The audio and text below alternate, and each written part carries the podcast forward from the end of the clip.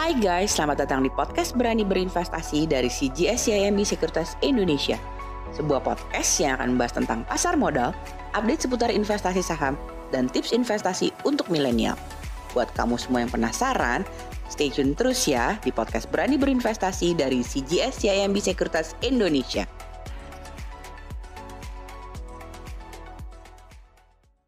Hai guys, selamat datang di podcast Berani Berinvestasi. Kali ini saya Fani Suherman sebagai Retail Research Analyst dari CGSCMB Sekuritas Indonesia. Nah, kali ini kita ditemani nih oleh Willy Suwanto yaitu analis dari CGSCMB Sekuritas Indonesia. Nah, hari ini nih kita akan berbincang-bincang seru pastinya tentang seberapa menariknya sih sektor tower Nah, untuk itu kita langsung uh, panggil Willy ya. Hai Will, apa kabar nih? Baik, apa kabar Mbak Fani? Baik juga. Thank you nih sebelumnya ya, udah mau uh, bergabung dengan kita di podcast kita kali ini. Ya, sama-sama Mbak Fani. Oke, nah kita langsung mulai ngobrol aja nih Will. Jadi kalau kita lihat Will belakangan ini emiten yang berhubungan dengan tower ini agresif untuk menambah kepemilikan towernya. Nah, kira-kira apa ya alasan dari telco operator ini banyak sekali menjual towernya nih, Will? Oke, Mbak Fani. Mungkin saya jelaskan sedikit dulu uh, mengenai sejarah hubungan antara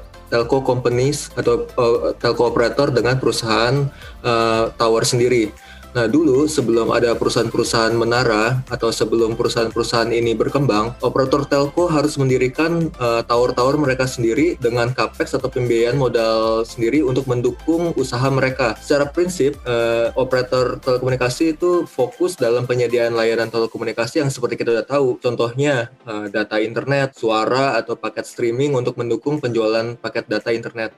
Nah, aset apa yang dibutuhkan untuk penyediaan layanan tersebut? Operator tel operator telco uh, butuh base stations, antena, transceiver atau penerima signal, uh, penguat signal dan lainnya. Jadi menara sebetulnya hanya aset pendukung untuk kegiatan usaha dan bukan merupakan aset penting untuk layanan telekomunikasi. Uh, dengan kata lain, bukan merupakan core aset. Uh, di samping itu, pengadaan menara bukan termasuk hal yang mudah juga. Uh, pembangunan menara membutuhkan sewa tanah, izin dari dinas-dinas terkait, izin dari masyarakat sekitar, uh, dan belum lagi pengadaan baja misalnya untuk mendirikan menara-menara itu. Uh, setelah membangun menaranya, masih ada juga maintenance untuk uh, menara tersebut. Contohnya per, perpanjangan sewa, uh, perpanjangan surat-surat, dan lainnya. Karena ter, menara bu, uh, bukan termasuk uh, core asset atau biasa disebut, disebut juga non-core asset, uh, telco operator mulai menelepas menara-menaranya. Beberapa tahun yang lalu, telco operator uh, menjual menara untuk memperbaiki balance sheet mereka, terutama untuk pembayaran utang ya. Seiring balance sheet-nya semakin membaik, hasil penjualan menara dapat digunakan untuk pengembangan jaringan atau pembelian spektrum yang membeli memberikan nilai lebih untuk servis mereka. Pengadaan menara yang tadinya berupa capex uh, bagi operator telco berubah menjadi opex atau biaya operasional untuk mereka. Kalau gitu kenapa nih menurut Willy tower sektor ini nih masih menarik untuk saat ini? Nah, tower sektor ini uh, kita lihat cukup menarik. Uh, ada beberapa hal yang mendasari hal tersebut. Uh, yang pertama adalah potensi M&A activities atau merger and acquisition yang muncul setelah uh, pemerintah mengeluarkan peraturan presiden yang menghapus batas kepemilikan asing dari sebelumnya 67% menjadi 0%. Ini mm-hmm. tujuannya untuk menarik investor asing uh, untuk menanam modal di Indonesia. Dengan itu itu membantu pengembangan teknologi juga di Indonesia dan mempercepat pertumbuhan penetrasi internet di seluruh Indonesia. Yang kedua, kita melihat adanya konsolidasi di telco operator ya. Dari hmm. sebelumnya ada lima operator, mungkin bisa turun menjadi tiga atau empat operator saja. Ini hmm. akan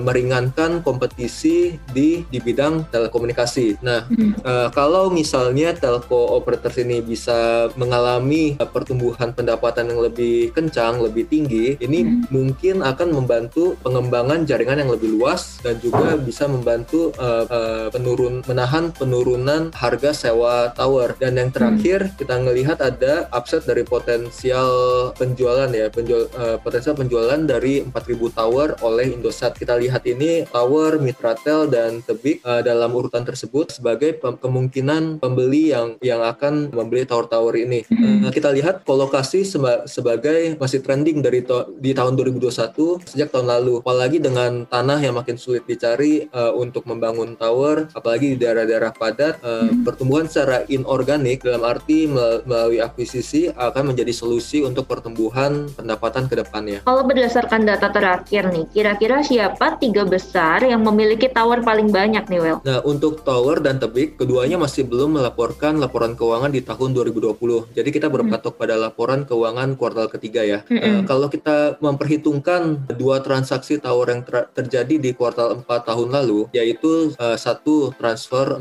menara dari Telkomsel ke Mitratel dan juga pembelian 3.000 menara inti bangun sejahtera oleh Tower bersama, posisinya akan menjadi seperti ini nih. Mitratel akan mempunyai sekitar 22.000 menara, Tower akan mempunyai sekitar 21.000 menara, dan Tebik akan mempunyai, uh, mempunyai sekitar 19.000 menara. Dari transaksi Telkomsel dan Mitratel, uh, Telkomsel akan uh, masih mempunyai sekitar 12.000 menara. Jadi, tapi perlu diingat, jumlah ini mungkin akan ada perubahan kalau Indosat jadi menjual 4.000 menara mereka. Uh, saat ini Indosat masih dalam tahap penjajakan untuk penjualan menara. Pastinya teman-teman pengen tahu nih, jadi kalau dari sektor yang berkaitan dengan tower, kira-kira rasio apa sih Well yang paling penting untuk diperhatikan dan kira-kira ini kenapa Risen? Uh, yang perlu diperhatikan dalam melihat perusahaan menara, selain jumlah menara tersebut dalam aset mereka dan juga pertumbuhan pendapatan, ada tiga faktor kurang lebih ya. Yang pertama tenancy ratio yang merupakan jumlah penyewa dibagi jumlah menara. Kalau di industri lain, uh, mungkin ini mirip dengan utilization rate ya. Uh, biasanya satu menara ini, satu menara telekomunikasi itu bisa menampung 3 sampai 4 penyewa. Uh, hmm. Sampai September tahun lalu, tenancy ratio tower ada di sekitar 1,8 kali, tebik ada di sekitar 1,9 kali. Ini sebetulnya bisa dilihat dari dua sisi. Uh, yang pertama, seberapa tinggi pemanfaatan tower ke penyewa dan menghasilkan pendapatan uh, seberapa banyak bagi perusahaan tower. Atau yang kedua, masih cukup ruangkah bagi perusahaan tower ini uh, menyediakan tempat untuk penyewa baru uh, yang kita sebut juga uh, kolokasi. Nah, yang kedua adalah EBITDA margin. Ini menunjukkan tingkat keuntungan dari sisi operasi. EBITDA margin tower dan tebik ada di sekitar 85 sampai 86 persen. Ini sebetulnya cukup tinggi sih dibandingkan dengan perusahaan tower di negara-negara lain yang mungkin ada di bawah 80 persen. Karena biasanya perusahaan tower di Indonesia kayak tebik dan tower ini mereka tidak perlu menyediakan listrik bagi telco operator. Jadi ini sangat membantu sekali dalam efisiensi operasi mereka. Yang terakhir adalah net debt to EBITDA atau utang bersih setelah dikurangin cash dibagi dengan jumlah pendapatan EBITDA. Ini menentukan ruang untuk penambahan hutang. Uh, semakin tinggi EBITDA, berarti semakin tinggi juga jumlah utang yang bisa diambil. Uh, industri menara ini ini syarat dengan capex dan pengelolaan dan pengelolaan utang yang baik diperlukan untuk penambahan tower baik secara organik pertumbuhan penumbuhan tower melalui order dari perusahaan telco atau juga secara akuisisi. Nah, penambahan hmm. utang baik melalui utang bank ataupun dari surat berharga atau bond uh, memperhatikan debt covenant sebagai batas jumlah utang maksimum. Net debt to EBITDA untuk tower saat ini ada di 2,4 kali dan untuk tebik ada di sekitar 4,6 kali sampai September kemarin. Nah, ada batasan nggak nih untuk tenancy ratio tuh kira-kira uh, bagusnya di berapa ya? Nah, tenancy ratio yang ideal sebetulnya tidak ada jumlah yang pastinya ya. Jadi uh, satu menara itu bisa diisi 3 sampai 4 uh, penyewa, terutama di daerah-daerah yang padat misalnya di kota-kota besar Jakarta, Surabaya, Semarang uh, atau Medan gitu. Itu jumlah penyewanya bisa full di satu menara. Jadi jumlah uh, penyewa bisa mencapai 3 sampai 4 di di daerah yang padat untuk di, di dalam satu menara. Nah, mm-hmm. jadi kita lihat benchmark yang cukup uh, baik ya untuk mm-hmm. atau cukup sehat bagi perusahaan-perusahaan menara ada di sekitar dua kalian. Itu uh, berarti perusahaan-perusahaan menara ini bisa memanfaatkan towernya dengan baik, jumlah penyewanya juga cukup baik untuk menopang pertumbuhan pendapatan bagi perusahaan-perusahaan menara ini. Oke hmm, oke, okay, okay, thank you.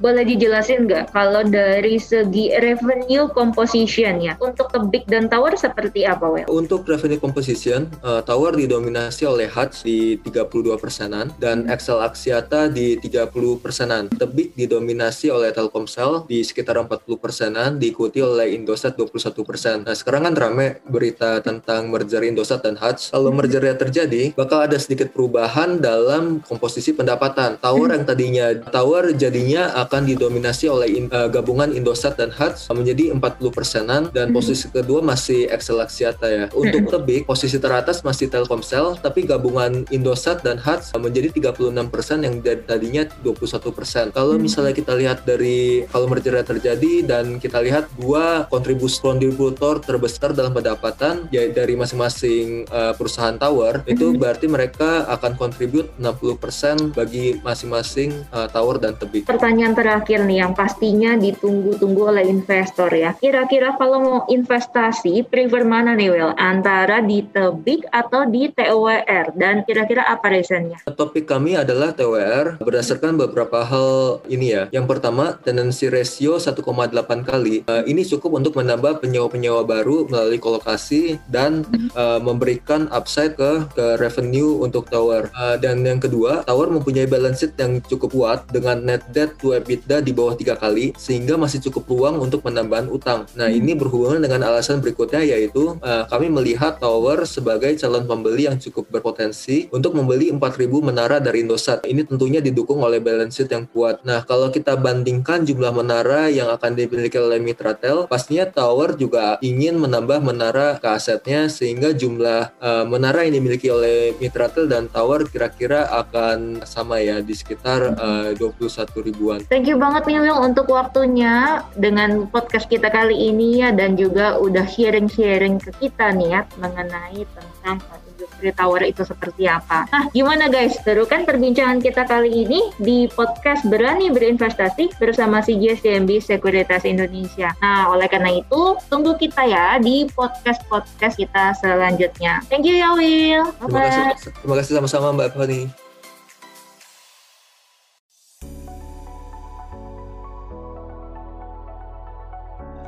Hai guys, selamat datang di podcast Berani Berinvestasi dari CGS CIMB Sekuritas Indonesia. Sebuah podcast yang akan membahas tentang pasar modal, update seputar investasi saham, dan tips investasi untuk milenial. Buat kamu semua yang penasaran, stay tune terus ya di podcast Berani Berinvestasi dari CGS CIMB Sekuritas Indonesia.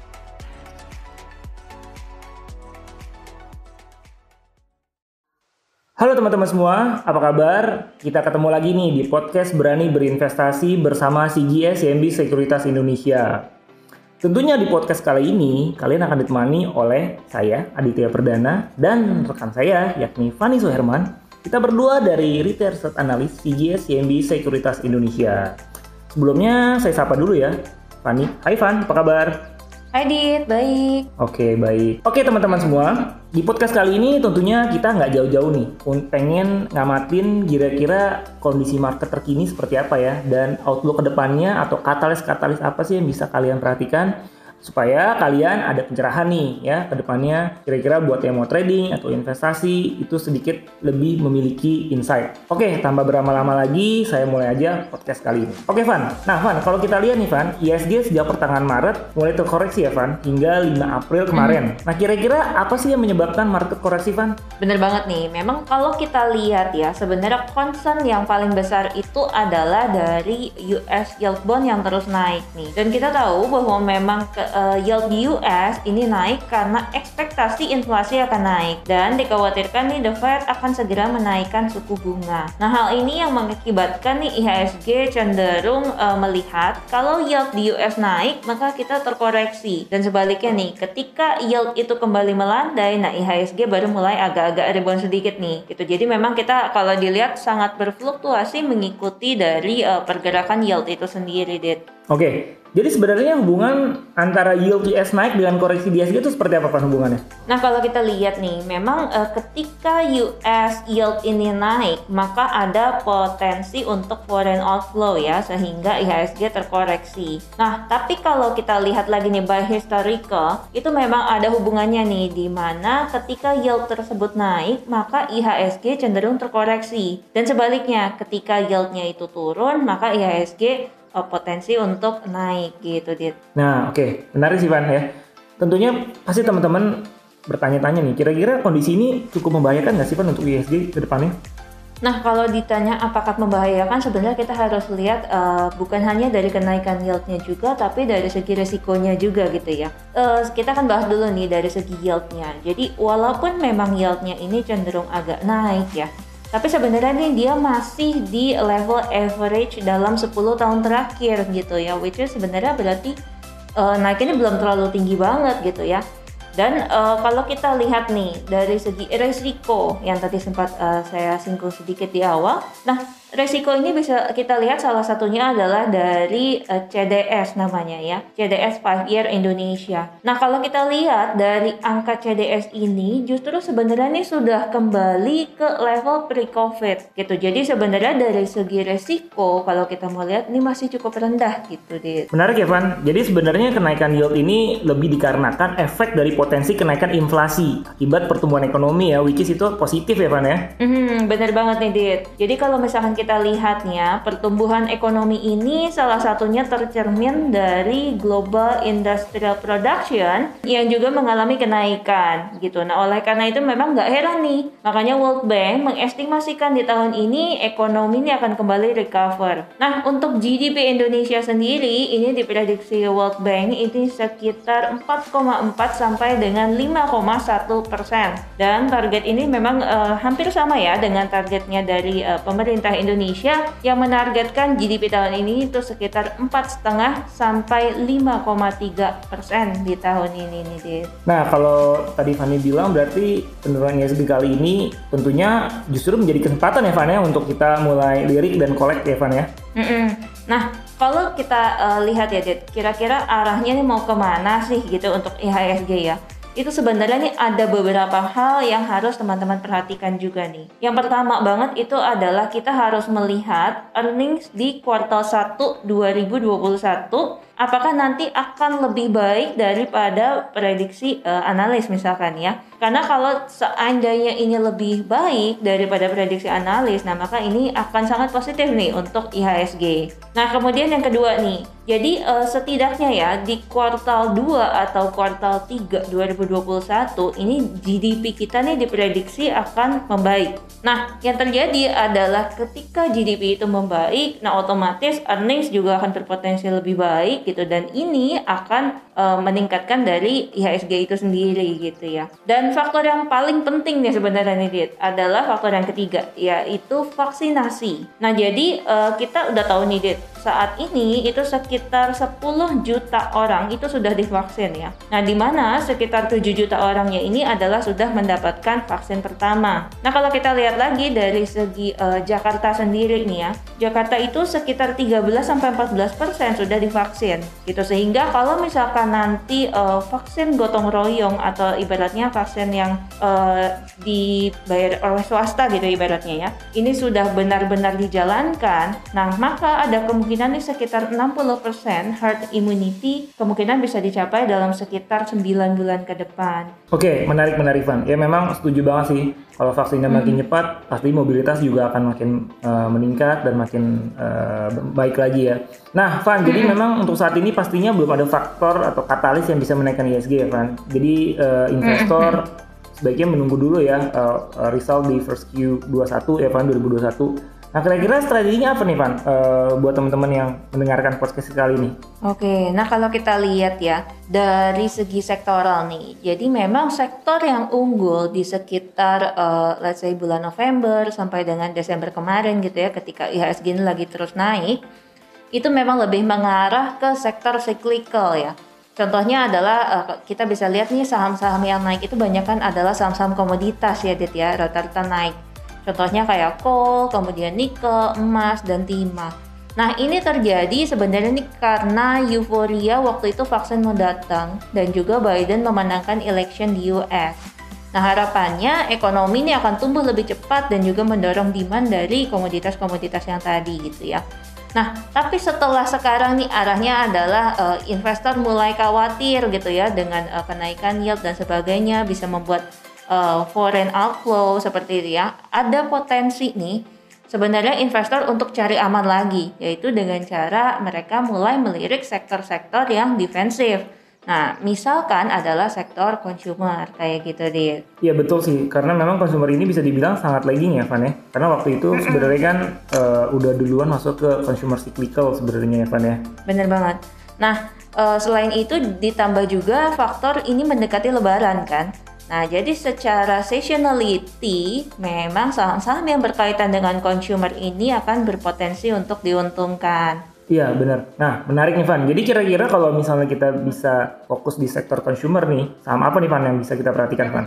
Nah, uh, ICBP uh, ini bisa menjadi salah satu opsi yang uh, mungkin teman-teman bisa perhatikan gitu ya. Karena kalau kita lihat nih dari segi uh, revenue di tahun 2020 untuk ICBP ini naik 10,3% year on year dan juga dari segi net profit ini dia naik 30,7% year on year. Nah, di mana kontribusi sales terbesar ini adalah memang dari mie instan gitu ya. Per 2020 porsinya itu adalah sekitar 66% menyumbang ke total salesnya ICBP. Nah ini naik dibandingkan tahun uh, eh, 2019, ini kontribusi dari mie instan hanya 64% gitu. Nah selain itu kalau kita lihat nih pada uh, fourth quarter 2020 kemarin ya gross marginnya itu naik karena efek dari strong volume dan juga kontribusi Pine Hill. Gitu. Nah, di mana kalau kita lihat lagi berdasarkan keterangan manajemen, revenue dari Middle East dan Afrika ini mencapai sekitar 3,1 triliun rupiah. Nah, pada 2020 volume penjualan mie itu naik tuh sekitar 15% year on year. Tapi kenaikan dari domestik tuh hanya 2% year on year. Nah, jadi ini mengindikasikan nih memang uh, cukup besar nih ya efek dari uh, Pine Hill tadi gitu ya. Dan kemudian kalau kita lihat nih dari segi EBIT margin noodle tahun 2020 ini sebesar 23,4%. Nah, di mana ini adalah level tertinggi dalam 20 tahun terakhir nih, Dit. Nah, kemudian uh, kalau kita lihat margin yang terbesar yang kedua itu diikuti dengan daily sebesar 12% dan juga snack food sebesar 11,1 persen. Oh, Oke, okay. menarik insight Evan. Berarti ICBP hmm. ini diuntungkan ya setelah akuisisi Pine Hill.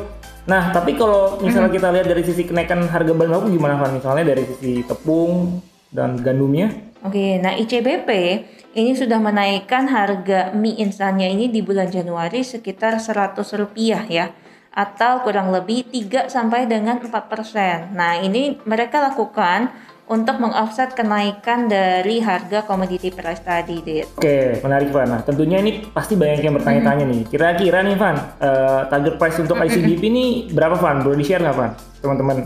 Nah, kalau dari CGSCIMB ini memberikan rekomendasi add ya dengan target price di 11.500 atau dengan kata lain kalau kita menggunakan harga closing price tanggal 5 eh, April yang lalu ya maka ini masih ada potensial upside sekitar 29% Dit. Menarik ya Van, 29% tuh angka yang sangat besar sebenarnya. Sangat besar lah ya, hmm. apalagi ICBP kan hmm. adalah big cap ya. Hmm.